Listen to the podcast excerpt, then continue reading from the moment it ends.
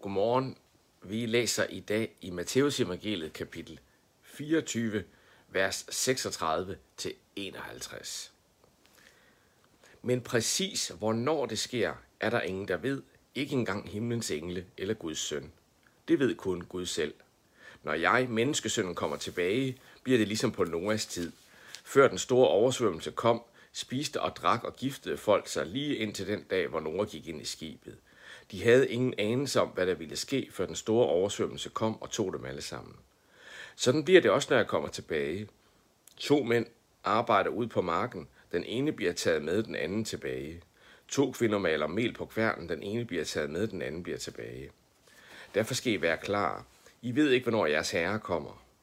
Tænk på, at hvis husejeren vidste, hvornår om natten tyven kom, så ville han holde sig vågen og forhindre, at der blev indbrud i hans hus. I skal også holde jer parat. Menneskesønnen kommer, når I mindst venter det.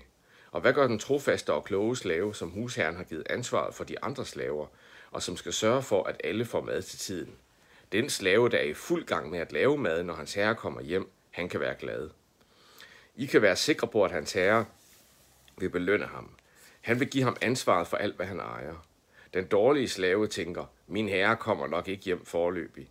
Han begynder at slå de andre slaver og giver sig til at spise og drikke med de andre drukkenbolde. Men når han mindst venter det, kommer husets herre hjem. Han hugger slaven ned og smider ham udenfor til hyklerne. Der skal han græde og rive sig i håret. Jesus er her i gang med, i det her kapitel, også de kommende kapitler, at tale om sin genkomst eller sit andet komme.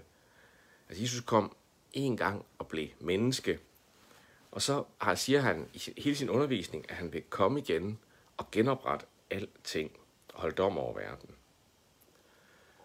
Og der siger Jesus, der, der vil der være noget overraskende. Jeg selv, Jesus selv ved ikke, hvornår det er.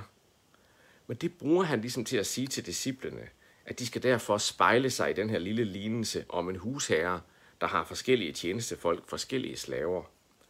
Og den dårlige slave tænker, min herre kommer nok ikke, og gør bare, hvad der passer ham. Og den gode slave, han, han holder sig i gang, og er i gang med at gøre det, som er hans opgave.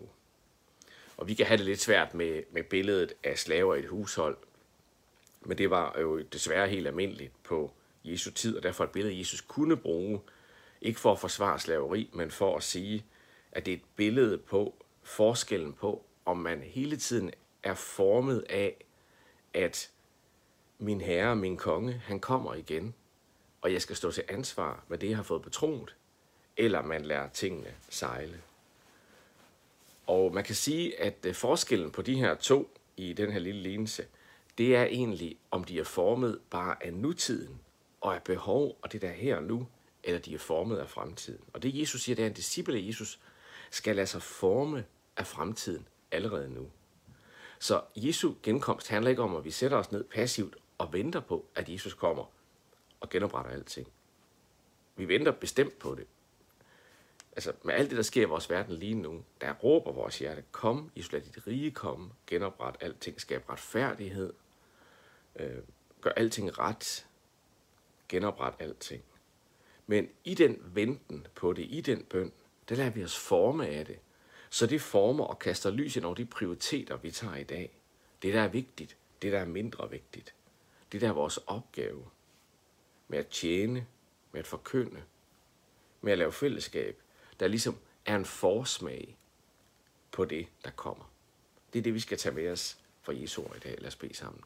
Far i himlen, tak for din godhed og din nåde.